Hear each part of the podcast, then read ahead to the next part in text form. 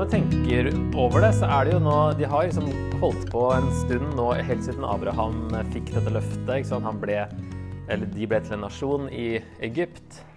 Så kom de ut av Egypt, så fikk de bli kjent med Gud i ørkenen, fikk loven. Og så gikk det rundt der i en generasjon, og så har de nå plutselig kommet til grensa. Og her er det liksom This is it. liksom. Nå skjer det faktisk. Og så har de hatt hele 15 Mosebok, en sånn peptalk av, eh, av eh, Moses og en eh, oppsummering eller en gjentagelse av loven. Og de har eh, sagt at ja, vi vil følge Gud, vi òg. Liksom, nå er vi klar. Nå står vi. Og plutselig så er den grensa liksom kommet veldig nærme. Da. Nå skal vi faktisk gå inn. Og det kan jo være litt sånn derre Eh, kanskje de var litt smånervøse, og det kan jo være det, siden det er et tema i boka at Gud må si 'frykt ikke', og 'vær ikke redd, vær modig og sterk', og 'la dere ikke skremme'. Og De, altså det var mange byer med murer inne i Kanan, og de hadde bare så vidt vært innom og speida litt. ikke sant? Og de fleste av de sa jo at dette her går ikke. Um, og de eneste to som mente at det gikk, det er jo de som Altså Josva og Caleb, da. Så, men uh, by, bymurer, så kommer de bare inn i et fremmed land, så skal det landet liksom bare gis til dem. Det tenker jeg var vel litt sånn Det var ikke bare bare å stå der og Oi, nå har det plutselig kommet nærme denne her hendelsen som vi har tenkt på så lenge. Så det krevde jo litt tro. Det krevde jo tillit til Gud. Og eh, at dette kom til å gå bra, og at han holdt det han hadde lovt. Så det er jo sånn, noe som er eh, relevant for oss også, å ha litt i bakhodet gjennom denne boka. Den tilliten til Gud om at han får oss inn i det lovede landet. Og når de, liksom, når de skal opp til Ai der og bare Nei, det er ikke så mange der, vi tar bare send 2000-3000. Det er ikke vits å bruke opp hele hæren på dette, liksom. Og så er det én som har synda, og så går det ikke pga. det. Så det bare viser hvor mye det, dette er Guds krig, og ikke deres. Og så når, etterpå så, så sender jo hele hæren opp. Istedenfor bare 2000-3000. Så er det liksom denne enheten i folket, og de skal gjøre dette sammen. Samtidig som eh, det er egentlig Gud som gjør det. Så jeg tenkte at vi begynner på kapittel to i dag. Da er vi jo kommet til eh, speiderne som eh, drar inn i Jeriko og spionerer. Og der er Rahab denne prostituerte som um, uh, responderer fra det hun har hørt, som Gud har gjort med Israel ut av Egypt og i ødemarken, altså spesielt Sivsjøunderet, så responderer hun med tro på Gud og, og, og si, uh, bytte fra sine avguder over til Gud. Så hun, Rahab viser tro på Israels gud, og det her um, kalles ofte Bibelens første trosbekjennelse. Det som hun kommer med. Så basert på hva hun har hørt om hendelsene i andre og fjerde Mosebok, det er de hun nevner i hvert fall, vender hun seg fra sitt folks guder og skjønner at Herren deres Gud er Gud både i himmelen der oppe og på jorden her nede, sier hun i 2.11. Og det er ikke sånn at, som jeg om før, det er ikke sånn at eh, de ikke trodde at Gud fantes. De trodde jo på alle guder. sant? Men de måtte skjønne hvilken gud som var sterkest. Og hun har skjønt at det er deres gud som er gud både i himmelen og på jorda. Det er tydeligvis mulig for disse kanonerende å bli redda ved å vise tro på Gud. Men dette her eh, blir jo et, et eh, Ja, det står, står, det allerede. Et frampek mot hedningenes frelse, som er målet med hele historien, inkludert historien i Josva. Vi må ikke glemme det, at det her er fortsatt historien om Jesus. sant? men at Gud nå skal gi landet til et folk, og samtidig dømme de som bor der. Så er poenget at det, det landet som, skal, som, Messias skal komme fra, skal ha et sted å bo, så de kan få være et folk. Så det er fortsatt det som er historien. Så her får vi en, en hedning som kommer til tro, viser tro på Israels gud og får bli med i Guds folk. Så la oss eh, se hva Nytestamentet sier om Rahab. Hebreerne 11. I den lista over alle de som hadde tro i GT, så står hun der. I tro ble Rahab, hun som var prostituert, reddet fra å omkomme sammen med de ulydige. Så i tro ble hun reddet. sant? Og i Jakobs brev var det ikke slik med Rahab også, hun som var prostituert. Hun ble kjent rettferdig pga. gjerninger, fordi hun tok imot utsendingene og slapp dem ut en annen vei. Så hun viser det. Hun viser troen sin med det hun gjør. At hun redder disse eller gjemmer de spionene. Og så kommer hun inn i Jesus sin slektstavle, faktisk. I Matteus 1,5 så er hun nevnt. Salma fikk sønnen Boas med Rahab. Sånn Boas i Ruth er, en, om det er direkte sønn eller en, i hvert fall en etterkommer da, av, av eh, Rahab. Ok, Så Rahab og alle de andre kanonerene responderte på samme budskap. Hun sier jo det at alle har hørt hva Gud har gjort. For vi har hørt hvordan Herren tørket ut vannet i Sivesjøen foran dere da dere dro ut av Egypt, og hva dere gjorde med de to amorittkongene på den andre siden av Jordan, Sihon og Og, som dere slo med bann og utslettet. Da vi hørte det, smeltet hjertet vårt bort, og vi mistet motet pga. dere. Så alle har hørt det samme, og alle fryktet, står også i vers 9. Jeg vet at Herren har gitt dere dette landet, og at frykten for dere har falt over oss. Alle som bor i landet, skjelver for dere. Så alle har hørt det, alle skjelver, alle skjønner at nå kommer det en virkelig kraftig Gud. Nå må vi ta et valg. Så Rahab velger å vende seg til Gud, mens de andre velger å stå imot. Forme koalisjoner, slåss. Eh, mens gibionittene i kapittel 9 det er jo de som velger en sånn mellomløsning. En sånn postmoderne peaceful coexistence. At vi bare Greit for deg, greit for meg. Vi bare bor sammen her og tror på det vi tror på. Og så har det lurt seg til en fredspakt der, da. Så det er på en måte tre responser vi ser i boka på at når, her kommer det en gud som er sterkere enn våre guder. Nå må vi gjøre noe. Enten må vi flytte oss, eller så må vi slåss, eller så må vi joine denne guden. Så det, de hadde liksom de valgene, da. Så ser vi de fleste velger noe annet enn det Rahab gjør. De som trodde på Gud, ble reddet, ser vi. Og det er jo egentlig evangeliet. Det er det samme her. De som trodde på Gud i boka, ble redda, sånn som Rahab. Og det gjelder jo fortsatt. De som tror på Gud, blir frelst. Eller de som tror på det eh, Gud gjorde i Jesus, da, for å være mer presis.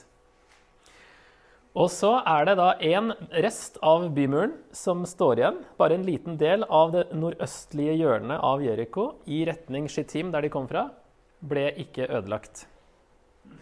Og det tenker man Kanskje det var Rahabs hus, da, som, for det står at hun, i 2.15 står det så firte hun dem ned fra vinduet med et rep, for huset hennes gikk i ett med bymuren. Hun, hun bodde i muren. Og det, er det eneste som står igjen, er da et hjørne i, den, i riktig retning. Og det er kanskje det eneste som ikke ble ødelagt, da, akkurat som det står her.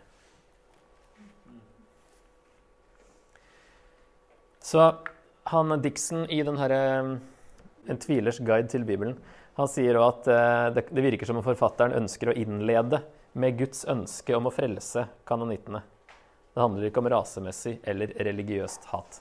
Her er det mulig å bli frelst sant? ved å vise tro. At det er det det handler om. Så går de over eh, Jordan, kapittel 3. Det er jo en tydelig link mellom Moses og Josva. At de går over et eh, vann som eh, egentlig ikke kan bare gås over. Dette her skjer jo på våren, da det står jo at den flommet over.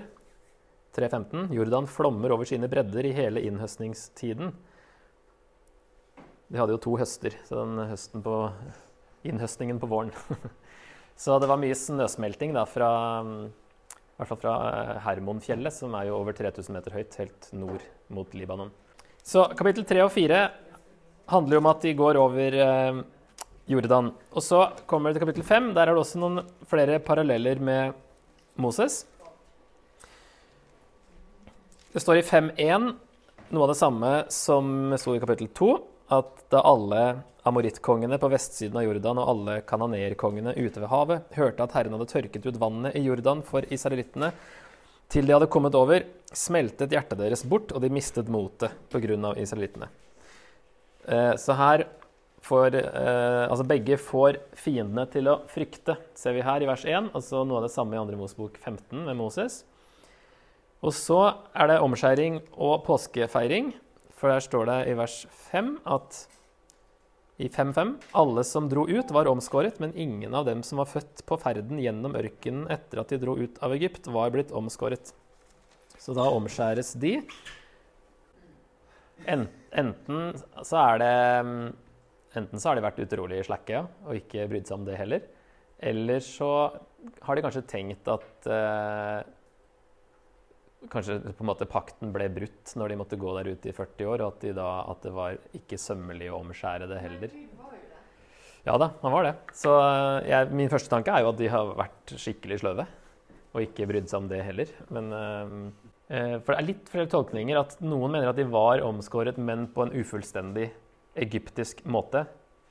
Og at det ikke var med flintkniver, som var liksom sånn man skulle gjøre det. Og at det var mye mer flint der de var nå, enn i Egypt. Så enten er det de samme personene igjen, eller så er det hele folket kollektivt igjen. Det kan bety to ting, da. Så um, De hadde jo en omskjærelse i Egypt òg, men ikke med samme symbolikk og kanskje ikke gjort på samme måte. Så det kan være at de var omskåret, men ikke helt som de skulle være. da. Så det er, det er ikke sikkert de var så sløve at de ikke gjorde noen ting. Eh, og så er det noen som lurer på da, det som står i vers 9. Um, Herren sa til Josva, i dag har jeg veltet Egypts vanære vekk fra dere. Derfor ble steinen kalt Gilgal, som, som har med å velte å gjøre. Um, så derfor tenker man det kanskje forklares best av at det var en egyptisk omskjærelse. eller noe sånt. Så det er litt forskjellige meninger om det her. Det er ikke helt lett å vite om de var omskåret eller ikke. Ja. Så at begge foretok en omskjærelse før en oppgave, og det er den rare omskjærelsen her da, i andre Mosebok 4 Um, og så feirer jo begge påske som en del av vandringen mot landet. Det starter jo i andre Mosebok 12. ikke? Det er jo hele starten på utgangen. er jo påsken. Og så her er det en gjentagelse før de går inn i landet. Så både på vei ut av det gamle landet og inn i det nye landet så er det påske.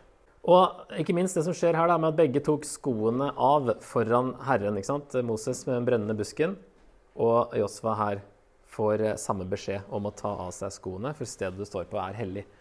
Og den hendelsen der, møtet med føreren for Herrens hær, der får Josfa to overraskende svar på spørsmålene sine. ikke sant? Først så spør han er du med oss eller med fiendene våre. Og så er svaret nei. Jeg er føreren for Herrens hær. Ingen av delene. Jeg er ikke på lag med dere, ikke på lag med fiendene. Jeg er på jeg er Guds hær. Og så spør Josva hva har min herre å si til sin tjener. Og så er svaret ta skoene av føttene, for stedet du står på, er hellig. Det er liksom bare OK, forventa ikke den. at det er det Men her får virkelig bare sånn eh, perspektivet litt sånn rekalibrert. At uh, Josva må huske på hva, som, hva det egentlig dreier seg om her. Og det sitatet her så vi også på i går, da. At vi må liksom ta med de nøklene som boka gir for hvordan disse krigene skal tolkes. Og at eh, som sagt da blir en, en dobbeltstandard å bare henvise til krigene uten hva resten av Bibelen sier om krigene.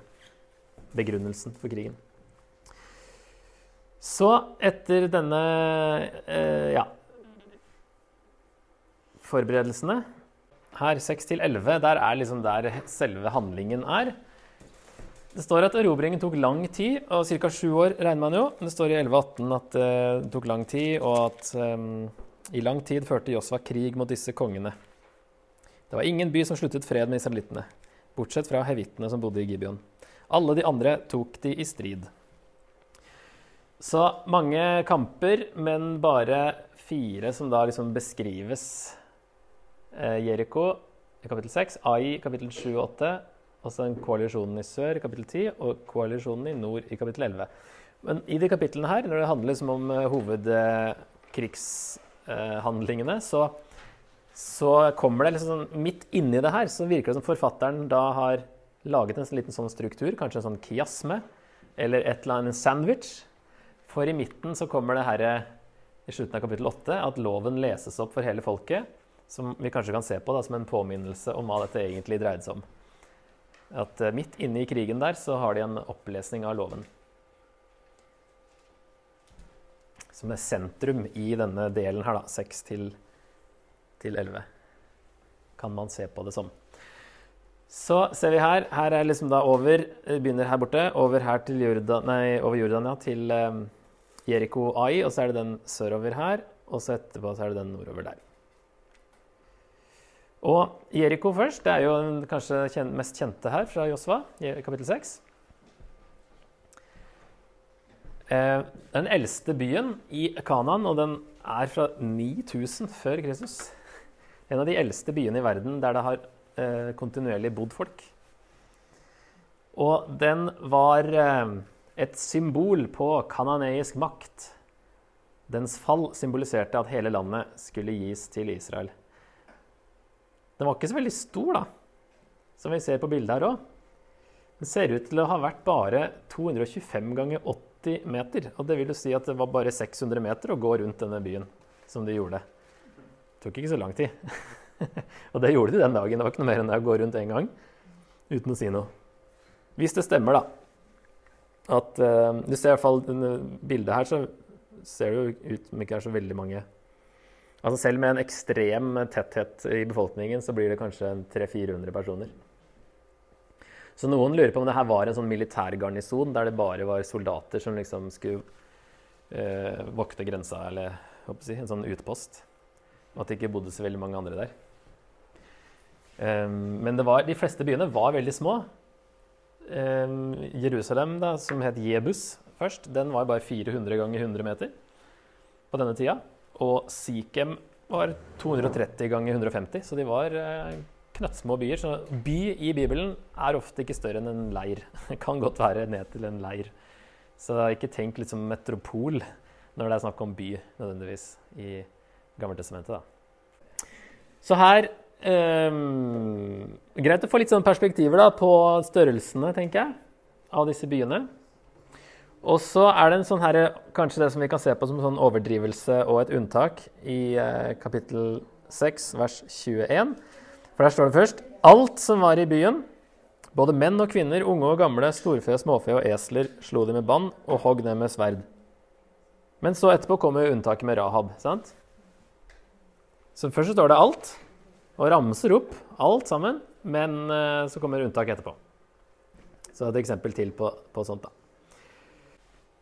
Og så står det at uh, dette uttrykket 'bytte tilhører seierherren'. Det står ikke i Bibelen, da, men uh, altså, 'to the victor belongs the spoil' er jo på engelsk. Uh, det som i 6.17 at byen og alt som er i den, skal være bannlyst og tilhøre Herren. Og dette hebraiske ordet 'herem', som for, altså, betyr bann. Altså dette er Guds krig, det skal tilhøre Gud. Skattene skal dere legge inn i Guds helligdom.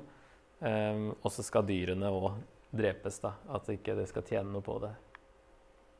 Det er noen unntak utover her, men i hvert fall her så, så, så er det ingenting som de skal liksom sitte igjen med. Og det er jo det han Akan uh, tabber seg ut på, da.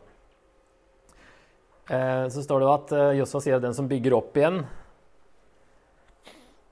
Forsøker å bygge opp igjen denne byen, byen eh, Når han legger grunnvollen, skal det koste ham den førstefødte, og når han reiser porten, skal han miste den yngste. Det skjer i første kongebok 16.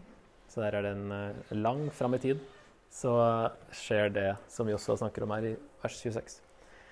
På Ahabs tid bygde Hiel fra Betel opp igjen Jeriko. Da han la grunnvollen, kostet det ham den eldste sønnen Abirams liv, og da han satte opp portene kostet det ham den yngste sønnen Segubs liv. Slik ble det oppfylt det ordet Herren hadde talt gjennom Josva, sønnen av Nun, ganske mange sider senere. Eh, men eh, ja, men ruinene er jo der, da. og det er ikke bygd opp igjen. og er, I Bibelen så er det ofte når vi snakker om at den byen her skal aldri mer bygges opp igjen og skal alltid være en ruinhaug, så er det kanskje mer altså Selv om de bygger opp igjen en by på samme sted, så er det liksom en ny by. Altså det er, det er ikke samme identiteten på denne byen mange hundre år senere som den som ble dømt eh, denne gangen. Da. Så det er litt sånn Det kan ses på på den måten.